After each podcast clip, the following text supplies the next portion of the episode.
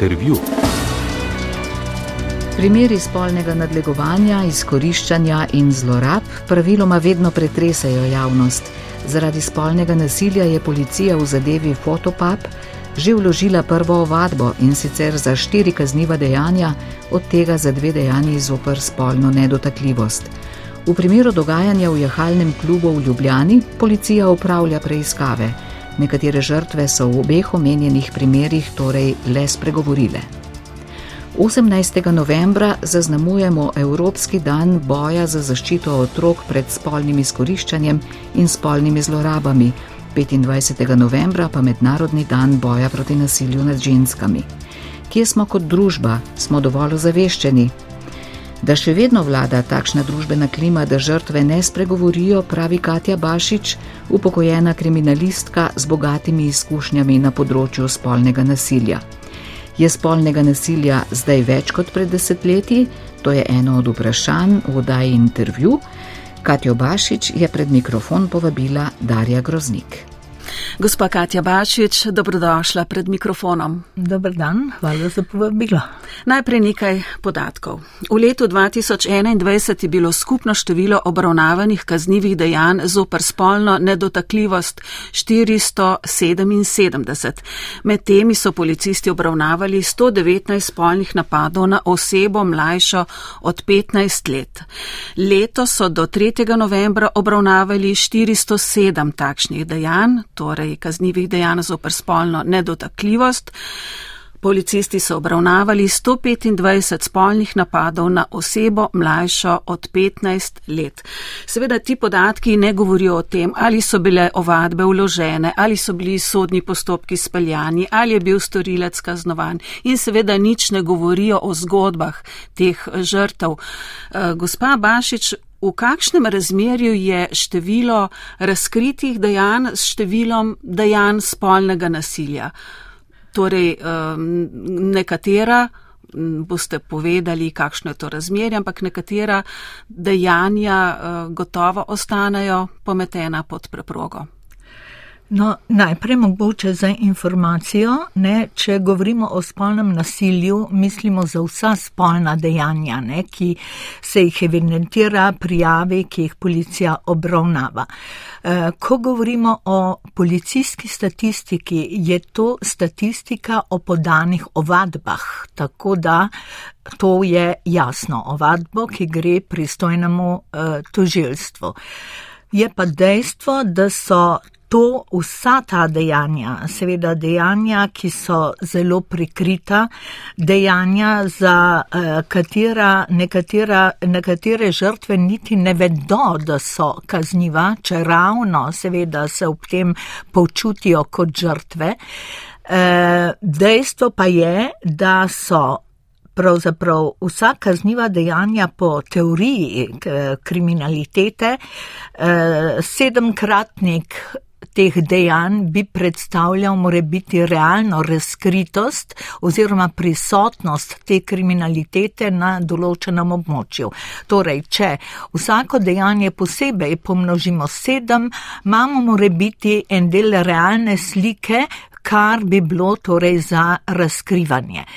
Posebej pa sama vedno govorim o kaznjivih dejanjih eh, spolnega napada na osebo mlajšo od 15 let, ker gre za specifiko, ker gre za otroke in seveda jih nekako na nek način moramo ravno zaradi tega ločiti od ostalih kaznjivih dejanj, kar ne pomeni, da so ostala kazniva dejanja, spolna dejanja v ozadju, v vendar seveda otroci so toliko bolj ranljivi. Mhm.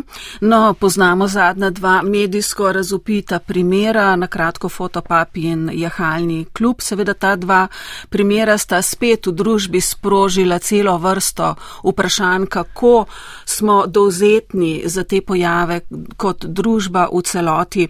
Glede zadnjega primera, jahalni klub, kar tako označiva ta primer, eh, ki ga je razkril časopis Dnevnik, dve dekleti, danes odrasli ženski sta sta um, anonimno se pojavili v tem časopisnem članku, sta spregovorili o spolnih zlorabah njunega trenerja. No, ena se je upogumila in podala tudi uradno prijavo. Um, trener jahanja po dosegljivih podatkih um, še vedno upravlja to delo. Imate kakšen komentar? No, meni osebno se zdi ta primer kar nekako tipičen za eh, naše odzivanje na to vrstna dejanja. Uh, zaradi tega, ker uh, tudi v konjeniškem klubu, kot sem razumela, pričakujejo, da se bo ta postopek dejansko udejanjil preko sodišča in tako naprej in prepoznala krivda osumljenca, uh, kar pomeni, da v tem času lahko ta oseba še vedno naprej opravlja svoje dejavnosti z otroci, ki so takrat žrtve bili otroci. Ne? Kar ne more predstavljati neke gotovosti z nobene družine, nobeno družino, ki eh, mu otroka zaupajo in pravzaprav kaže na to, da se podpora žrtvam ne udejanje. In v končni fazi nikoli ni gotovo, ali bo prišlo do obsodbe osumljenca ali ne, vendar zlorabe so se zgodile. To se pravi, to, če do tega ne pride, ne pomeni, da spolnih zlorab ni bilo in da tukaj otroci niso bili žrtve. Zagotovo pa samo dve prijavi ne odražata dejanskega stanja in uh, skozi moje izkušnje sem se soočila kar z nekaterimi primeri, kjer so v teh prostočasnih aktivnosti otroci bili žrtve in kjer so seveda žrtve poročale celo v odraslosti, tukaj so dekleta le 20, 21 in tako naprej. Ne? E, e, torej je v zvezi s tem potrebno biti e, ne samo previden ali pa ne pošiljati otrok, ampak biti pozoren na to, da je možnost, da se to dogaja tudi v okoljih, kamor otroka zaupamo. Mhm. Kaj mislite, čisto tako, kam vas vodi vaš razmislek? Bi bilo prav mogoče, da se take osebe, posebno, če delajo z otroki, nekako izuzamejo iz tega dela, če pade nek sum. No, za mene osebno eh, bi tukaj normalno bilo, da za določen čas eh, suspendirajo osumljenca, da ne prihaja več v stik z otroci, s tem se daje podpora tudi žrtvam, s tem se omogoči, da prijavi še večje število žrtev, ne, čutijo se varne, kar je izjemnega pomena. Um, In seveda, če pride na koncu do eventualno neobsodbe osumljenca, uh, seveda se morajo ti klubi soočati s temi stvarmi, vendar v tem primeru suspenza bi morali biti tudi sami bili zainteresirani, da malo več doprinesejo k raziskovanju tovrstnih dejanj. Mhm. Gospa Katja Bašič, kaj je sploh spolno nasilje? Spolno nasilje je nasplošno vsako dejanje, ki prizadane spolno integriteto eh, posameznika proti njeni volji je zelo, zelo širok pojem ne? in v naši zakonodaji je razdeljeno na različna kazniva dejanja. Jaz osebno se seveda ukvarjam predvsem z dejanji spolnega napada na osebo mlajšo od 15 let. Eh, ki jo naš, kjer je zakonodajalec dal žrtvam poseben položaj, ki ga morajo imeti ravno zaradi odvisnosti teh žrtev. Uhum. Že prej ste omenili, da so otroci še posebej ranljivi. Zakaj? Otroci so prvenstveno, učimo jih v tem smislu, da imajo odrasli prav.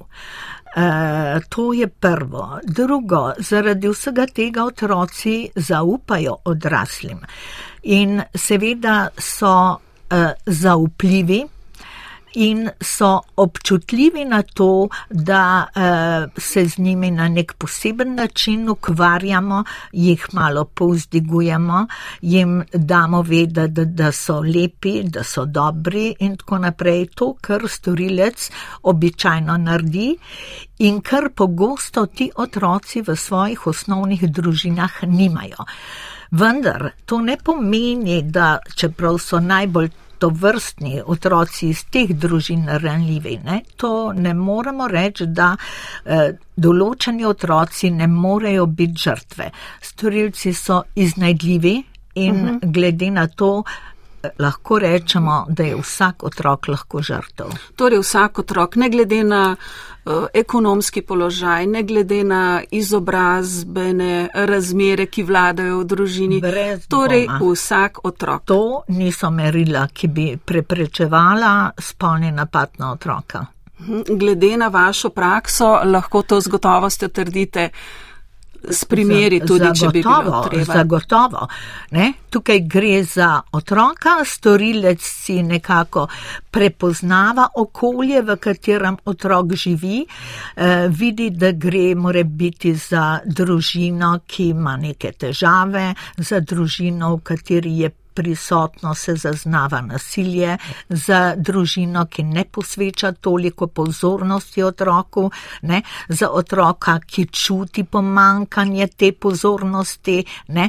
Vse to storilec prepoznava in seveda se, da tako rečem, loti takšnega otroka najprej z načinom velike prijaznosti ne, um, in uh -huh. seveda z povzdigovanjem otroka na njemu primeren način ne, in potem seveda nadaljuje z veliko izražanjem kot ljubezni do njega, ne, kako ga ima rad, kako je on nekaj posebnega. Ne, uh -huh. uh, a veste, kako um, ta manjko, ki je pri, da ga omreži, ta manjko, ne, seveda storilec izkoristi in se v to špranjo, da tako rečem, uh, usidra. Mhm. Ja, otroci morajo biti deležni posebne skrbi, seveda varnega okolja, otroke božamo, ljubkujemo, um, vse to je del skrbi, ampak kje je meja pravzaprav?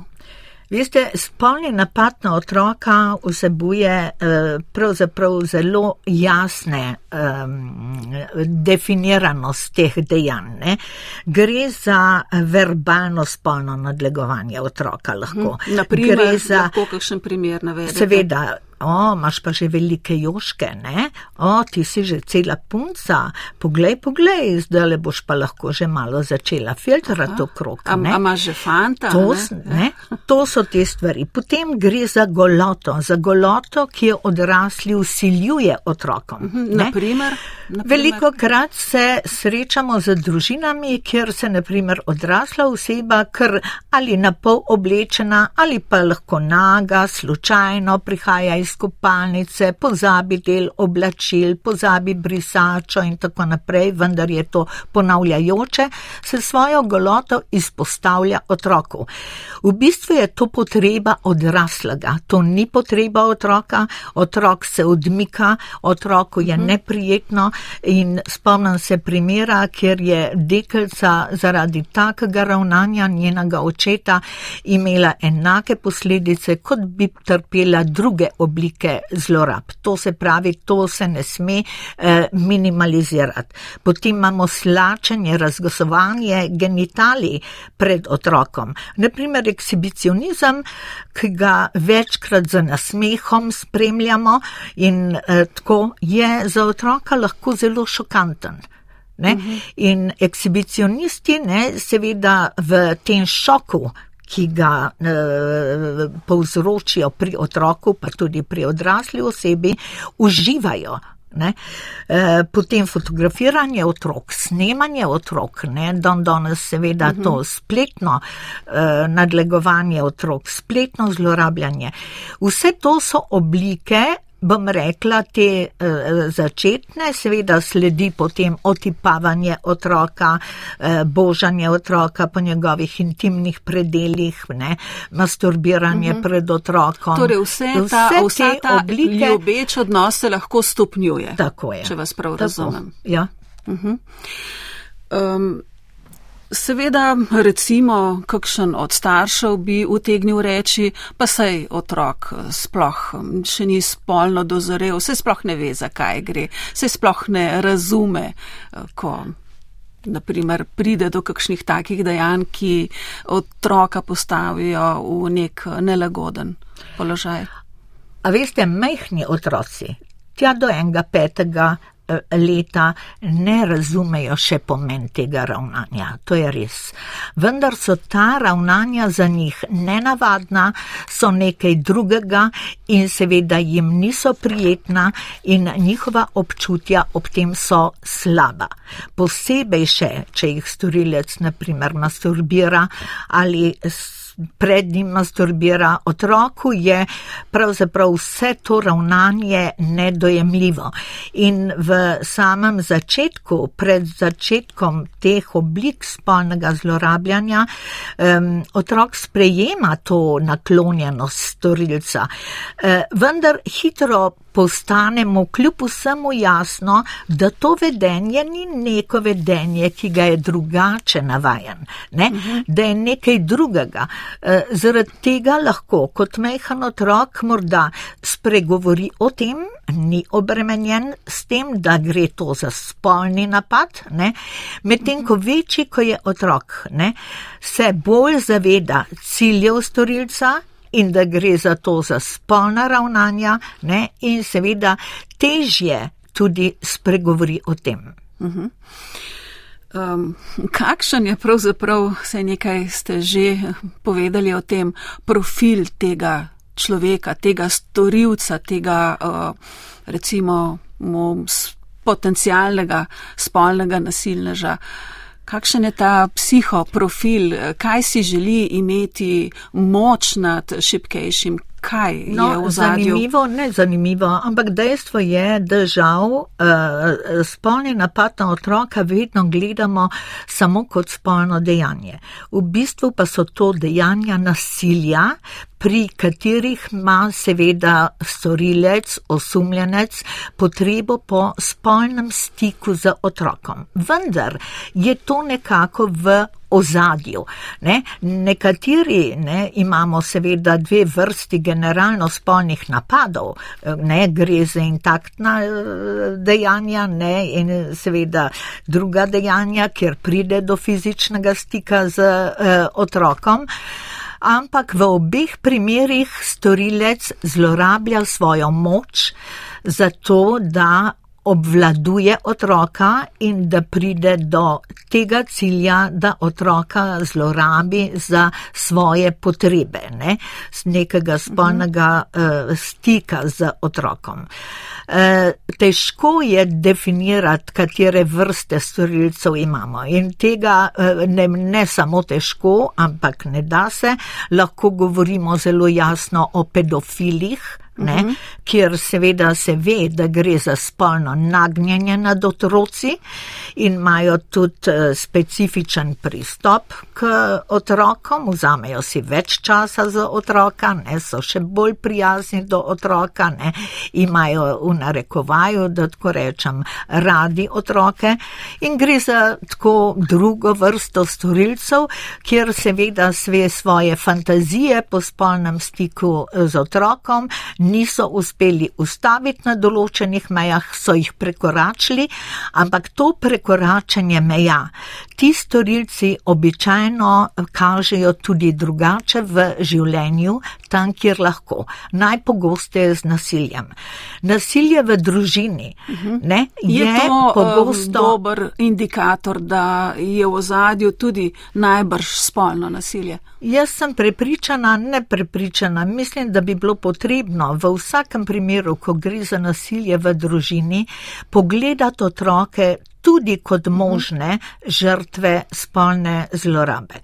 Je v kakšni evropski državi že tako? Ja, seveda, to imajo angliži, ne, to imajo švedi, ne, to so uh -huh. neke zaveze, ki jih imajo skozi svoje protokole. Uh, kako ravnati v teh primerih, ne?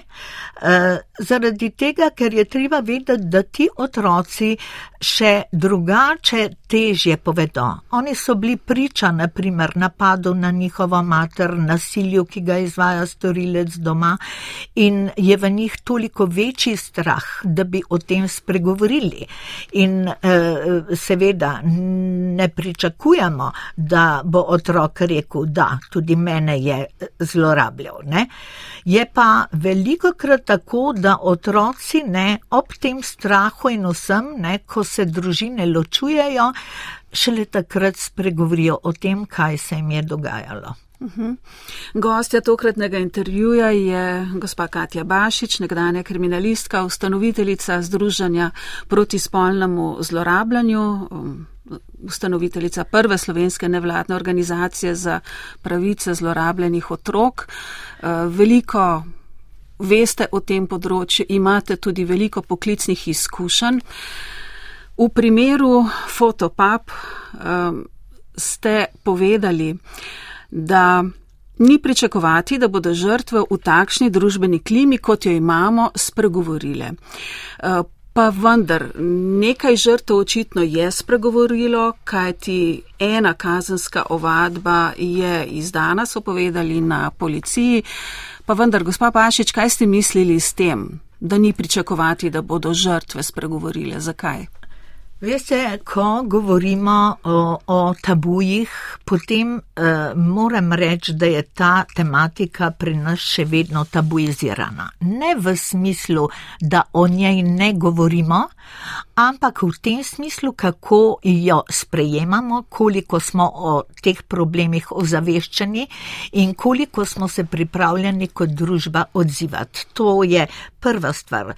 Druga stvar je, da je pravzaprav Eh, ta neozaveščenost eh, tisto, kar žrtvam daje tudi eno zaporo, da uh, bi spregovorile o tem. Zaradi tega, ker vprašanja, zakaj se je to zgodilo, a si ti kaj naredila, kaj pa je bilo na robi in tako naprej, vsa ta vprašanja jih že vnaprej nekako krivijo. Ne? Zaradi vsega tega se žrtev čuti še vedno večje občutke krivde, kot jih sploh potrebuje, da jih ima. Poleg tega nasilje, ne, ki je pri teh dejanjih osnovni motiv, poleg seveda te želje po spolnem stiku z otrokom v ozadju, je pri nas zelo prisotno in eh, tolerirano. Mi se soočamo z nasiljem v prometu, z problemom alkoholizma, soočamo se eh, s toleranco do vseh teh oblik nasilja, z samomori, ne, v zadnjih letih tudi z vse bolj sovražnim govorom, tudi z napadi, osebnimi napadi. In zmotno je misliti, da vse to, bom rekla, ne pogojuje tudi tega, da se žrtve umikajo, da niso v prvem planu, ne? ampak seveda, da je to nasilje tudi na tem področju se stopnjuje. In uh, zaradi tega mislim, da je to lahko večji, dosti večji problem, kot o njem govorimo, poleg tega pa še nekaj, neinformiranost žrtev, vseh žrtev ali pa družin o postopkih, ki sledijo, ki niso nujno vedno slabi, ne? Mhm. ampak lahko so neprijetni za žrtev se pa da seveda urejevati na način, da tudi žrtev pri teh postopkih ni prizadeta. Ampak prvenstveno je problem tukaj, da žrtve niso informirane, ne samo formalno, zdaj bomo podali ovadbo, bomo podali poročilo. Ampak tudi podrobno naprej o prihajajočih postopkih.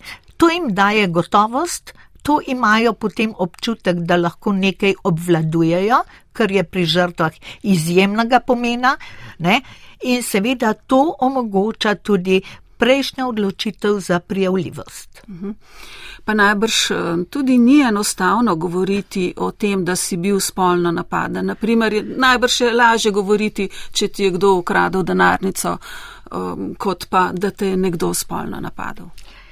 Nikoli, nikoli ni lahko o tem spregovoriti. Ne? In ko ste že omenila primer, lahko rečem, če boste odšla in rekla, nekdo mi je ukradel denarnico, vsi se bojo zgražali, kako je to možno, boga si, kaj se je zgodilo in ja. tako brez nobenega dvoma. Medtem, ko govorite o spolni zlorabi, ljudje ali obmovčijo, ne vedo, kaj bi odgovorili, razmišljajo v svoji glavi ali pa rečejo, pa kako je do tega prišlo, kar je seveda spet vprašljivo. Ne? Tako Malo da podvomi, kaj tako je. Tako da to so velike, velike razlike. Gre za odprtost. Družbe, da ta problem obstoja in da bi ga morali nagovarjati z več eh, prizadevanja z, z uh, več, po, večjo podporo žrtvam, ne samo v zakonodaji, kar nekako smo dosegli, ampak tudi dejansko v vsakdanjem življenju. Pogosto se tudi zgodi, da pride do prijav šele čez leta, čez leto ali pa več po samem dogodku. Zakaj in kaj se v vsem tem času plete v tem človeku, v žrtvi?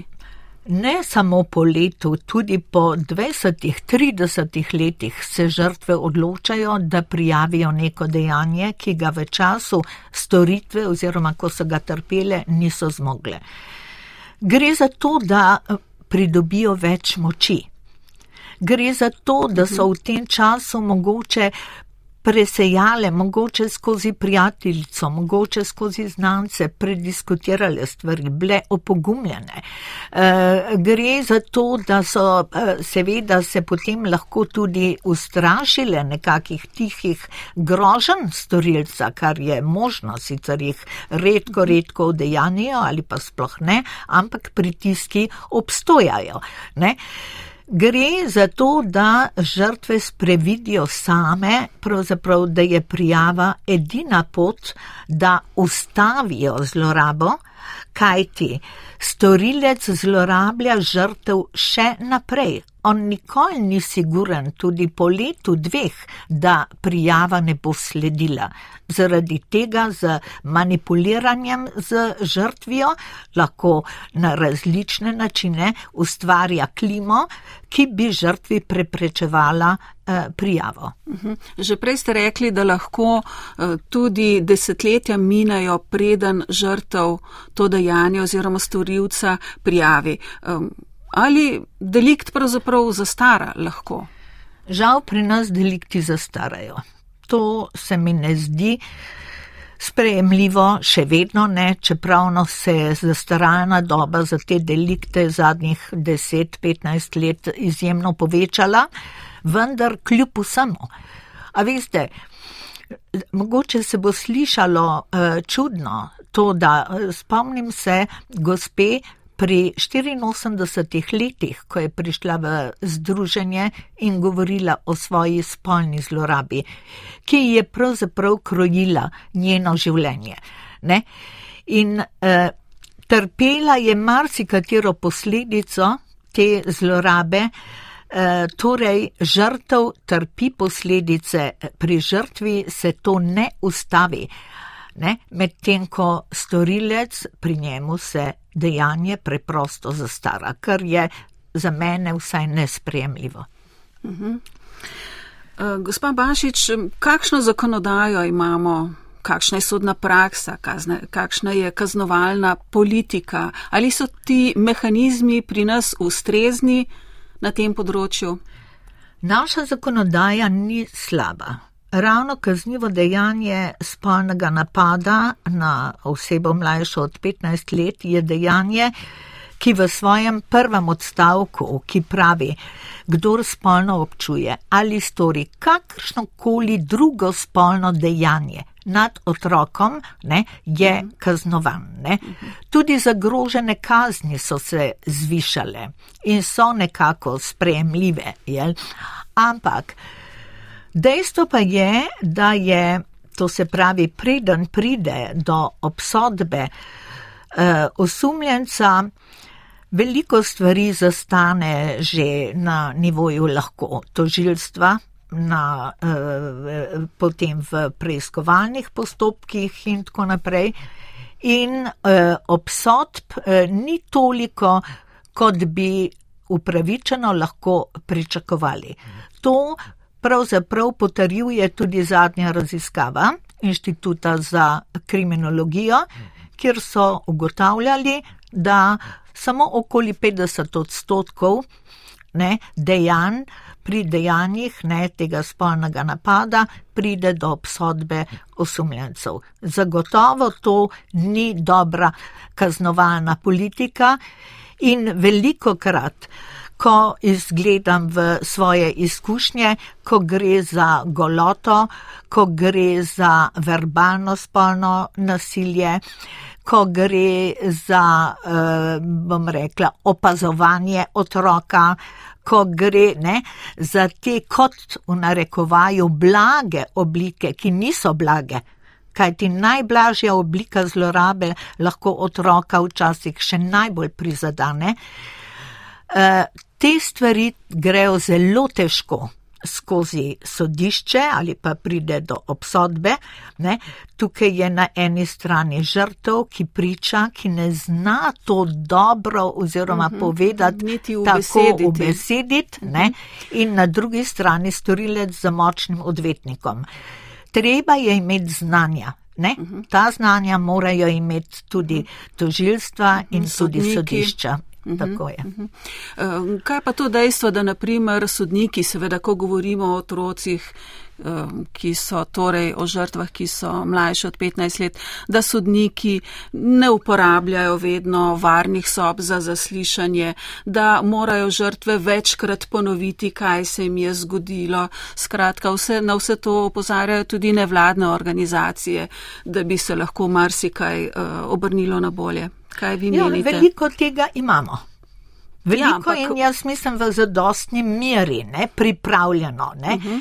Vendar mislim, da je osnovni razlog v neuporabljanju uh mhm. -huh. teh prostorov v bistvu to, da se oseba, ki to opravlja, seveda pod snemanjem, oseba, ki to predstavlja pred očmi eh, drugih tudi in tako, potrebuje dosti več znanj. Ne?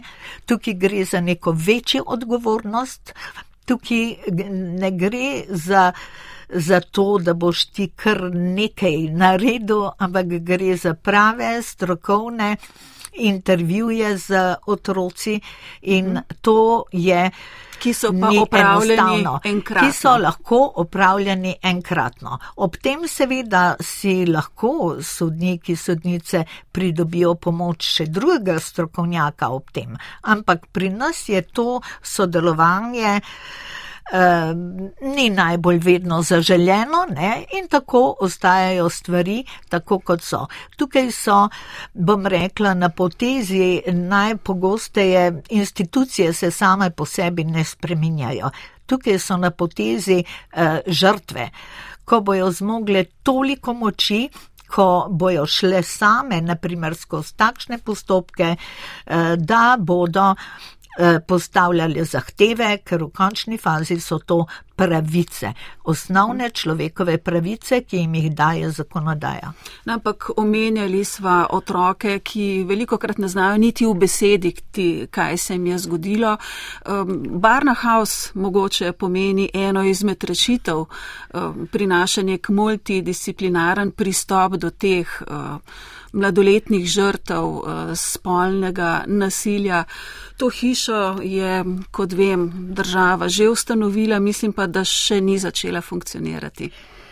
No, v združenju smo že 86. 2006 leta gospoda Haldorja, eh, izvedenca eh, in pedopsihiatra iz Norveške povabili in je govoril o tovrstnih varnih hišah za otroke, ki jih imajo na nizozemskem. Pričakovali smo, da se bo od takrat naprej seveda začelo s to idejo nekako uresničevati. Dobro, sedaj je ja. prišlo do uresničitve tega. Veliko vode je že preteklo, tako ne, je. 86. Do uresničitve tega, seveda je pa treba v teh hišah imeti tim, ki ima tudi nekaj izkušenj. Ne gre samo za postavitev strokovnjakov, ampak gre tudi za izkušene strokovnjake in to ne izključuje seveda aktivnega sodelovanja centrov za socialno delo s svojimi timi, kjer se pridobijo in bi morale pridobiti prve informacije, ampak gre za specializirano delo z otrokom, da se mu olajša postopek in da tudi v okviru tega postopka v Barnhouse hiši, seveda je to njegovo prvo in zadnje soočanje z problemi teh mm -hmm. postopkov. Ne? Upajmo, ja. upajmo, da bo to zaživelo. Kaj predlagate, mogoče poslu kakšni poslušalki, ki nas posluša, ali pa poslušalcu, saj ni bistveno, pa je žrtev spolnega nasilja, pa ne ve, kako ravnati? Kaj bi vi predlagali? A veste, ko gre za um, uh, otroke, uh, morajo starši, pa tudi šole, pa tudi vrtci, nekako uh, se zavedati tega, da bi morali biti pozorni na otroke, pri katerih se jim uh, iznenada spremeni njihovo vedenje, mhm, naprimer, postane drugačno, naprimer. postanejo naprimer bolj agresivni, začnejo se umikati um, iz kroga svojih vrstnikov v vrtu, nočejo se več igrati z njimi, ne? postanejo jokavi, ne? Uh, držijo se vzgojiteljice kot prilepljeni in tako naprej. Ne? So nekateri znaki, ki eh, jih začne otrok kazati, ko se mu začne dogajati zloraba. Pri mehkih otrocih, zelo mehkih, je lahko to ponovno lulanje ne, eh, v, in ponovna uporaba pleničk in tako naprej. Seveda v vseh teh primerih nenavadnih vedenj in more biti pri tem tudi nekih verbalnih sporočil kot um, oči mi gleda luliko. To je lahko kar mejhn, pri majhnem otroku ne bi bilo nič nenavadnega. Vendar, ko otrok to nekajkrat sporoči, uh mhm. -huh. je to nekaj nenavadnega. Če to kombiniramo z njegovim vedenjem, če vidimo te spremembe, potem mislim, da je treba razmišljati o tem, da bi bilo lahko in šlo za sum uh, zlorabe otroka. Imamo pa seveda predtem še veliko tega, kar je treba pregledati, da lahko to utrjujemo utrjujemo. Vsekakor pa bi morali starši otrokom dati občutek, ne občutek, ampak to eh, verjeti njihovim občutjem. Morali bi jih, ko se zloraba zgodi, seveda podpreti, morali bi jim govoriti o tem, da niso ničesar krivi, da so dobri otroci, da jih imajo zelo radi. Morali bi jim dati prilike, da se nekako pokažejo. Ne? E, to se lahko šola tudi dela, ne s svojimi aktivnostmi, vrtec tudi, da se jim dviguje samozavest. In moram reči, da, da ni uh, terapije, ki bi lahko lahko nekako v celoti nadomestila to, kar starši lahko ponudijo otroku, eh, ki je bil žrtev. To bo otroka najbolj dvignilo in more biti prišlo do tega, da posledice ne bodo prisotne. In če naprimer starši opazijo in um, sprevidijo, da gre za nek resen indic, da je prišlo do nekega spolnega nasilja, kako naj odreagirajo, pravzaprav naj tega svojega otroka temeljito izprašajo, zakaj je šlo, um, ali naj gredo takoj na policijo. Kakšen je tu no? Če da otrok neko verbalno sporočilo, pa čeprav je lahko zelo skromno, ne? Uh, in se to dogaja v družinah, je uh, staršem, tudi staršu, nezlorabljajočemu staršu, pogosto se težko soočati s tem. Ampak ker uh, je v teh družinah tako ali tako običajno nek problem, ne, seveda bojo ti starši pozorni, ne, in otrok ne bo prekinil sicer z govorenjem, ne, razen če vidi, da nima nobene podpore. Jaz mislim, da je prav, da gredo na uh, policijo. Ne smemo gledati policijo kot nekaj slabega, moramo gledati kot uh, enega od načinov, kjer nam bojo pomagali razvozlati te sume, potrditi ali zanikati, da gre more biti za spolno zlorabo. Uh, lahko tudi na centre, vendar običajno bo center rekel in jih napotil na policijo. Ne, to mhm. danes pri nas niso stvari, kjer bi imeli starši veliko podpore. Ne. Lahko na nevladne organizacije, samo ne v tem mhm. smislu, da nevladna organizacija potem to pusti, ne prijavi ne, eh, in tako naprej. Vsekakor strmeti za tem, da se s pravilnim načinom pride do prijave in razišče, ali je bil otrok zlorabljen ali ne. Najbrž bi tudi vsaki odrasli osebi, ki je doživela neke vrste spolne nasilje, svetovali naj gre na policijo in prijavi storilca. Zagotovo, ne glede na to, ali je, eh, bom rekla, dejanje zastaralo v primeru, eh, če so bile žrtve zlorabe kot otroci, tudi v drugih primerih spolnih nasilja, ne, ko gre za posilstva, ne, eh, spolni napad, nasilje nad slabotno osebo in tako naprej, naj to prijavijo. To je, a veste, prvo, kar je zelo pomembno, obvladovanje storilca. Žrtev mora vedno prevzeti moč nad storilcem in prijava je pravzaprav edini način, s katerim storilec vidi, da je žrtev prevzela moč nad njim.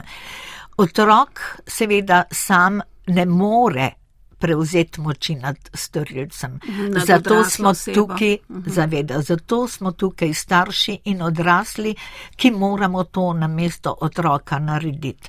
Je pa to izjemnega pomena, ker od prijave naprej seveda žrtev lahko začne delati na svojem ukrevanju, če je to potrebno, ne, eh, razglabljati oziroma ugotavljati za in se soočati s posledicami, ki jih nosi in seveda delati na tem. Uh mhm. -huh.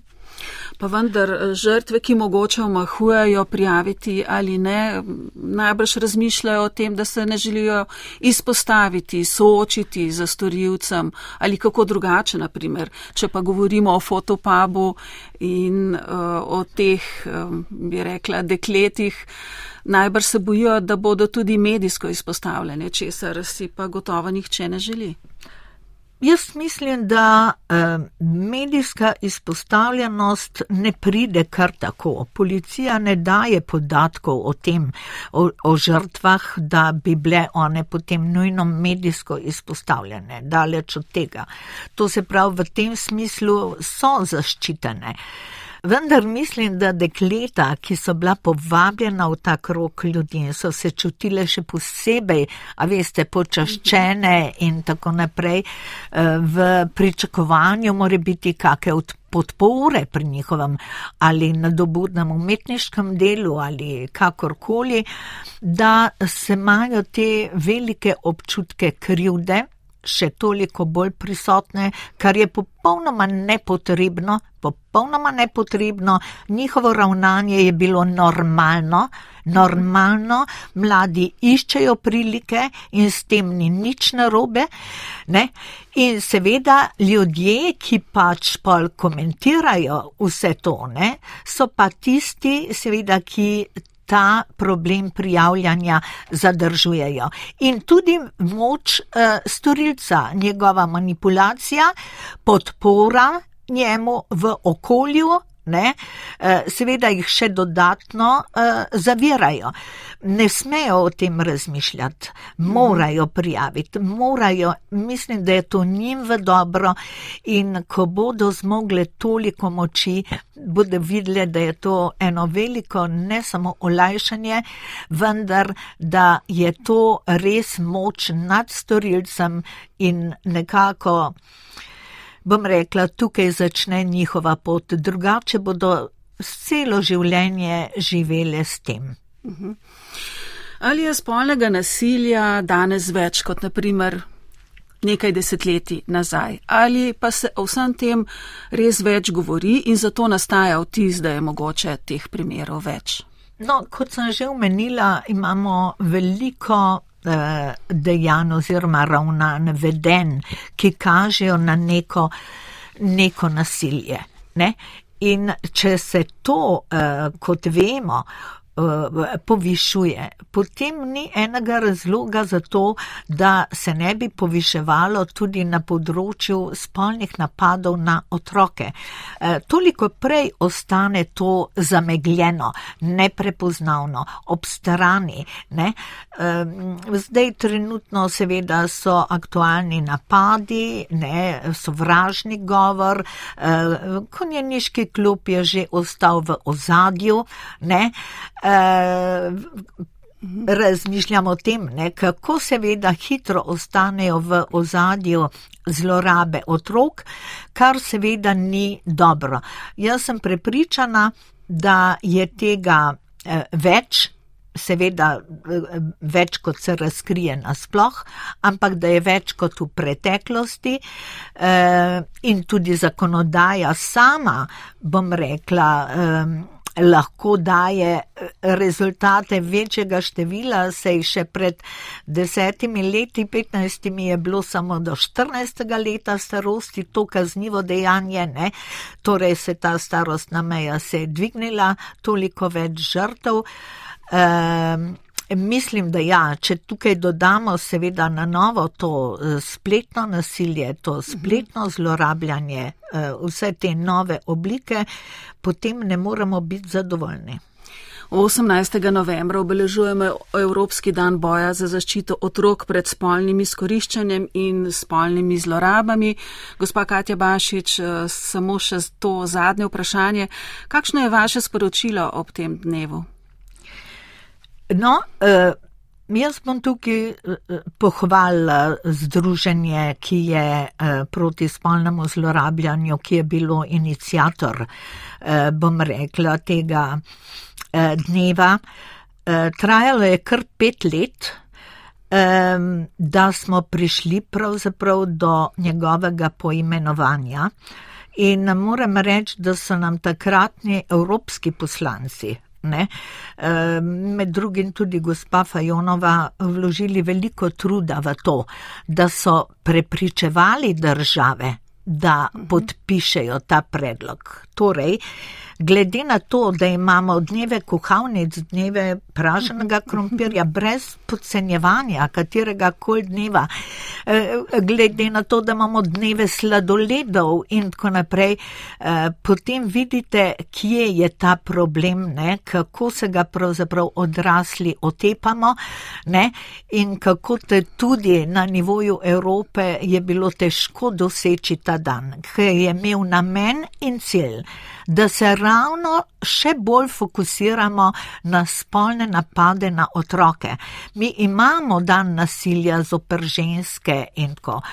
Ampak seveda, otroci eh, so zlorabljeni, tako fantki kot punčke, dečki, deklice, dekleta, fantje. In um, ostali so vedno v ozadju, O tem mhm. se ni kaj posebni govorilo in namen je bil, da se ta problem dejansko izpostavlja tako, kot ga zasluži ta tematika. Torej, naj se o tem govori, zavedajmo se, da ti problemi okoli nas obstajajo, Žal. Eh, soočajmo se z njimi in eh, poskrbimo, da bodo ti primeri če dalje bolj redki. Gospa Katja Bašič, hvala lepa za obisk v studiu in srečno. Hvala vam. Intervju. Intervju.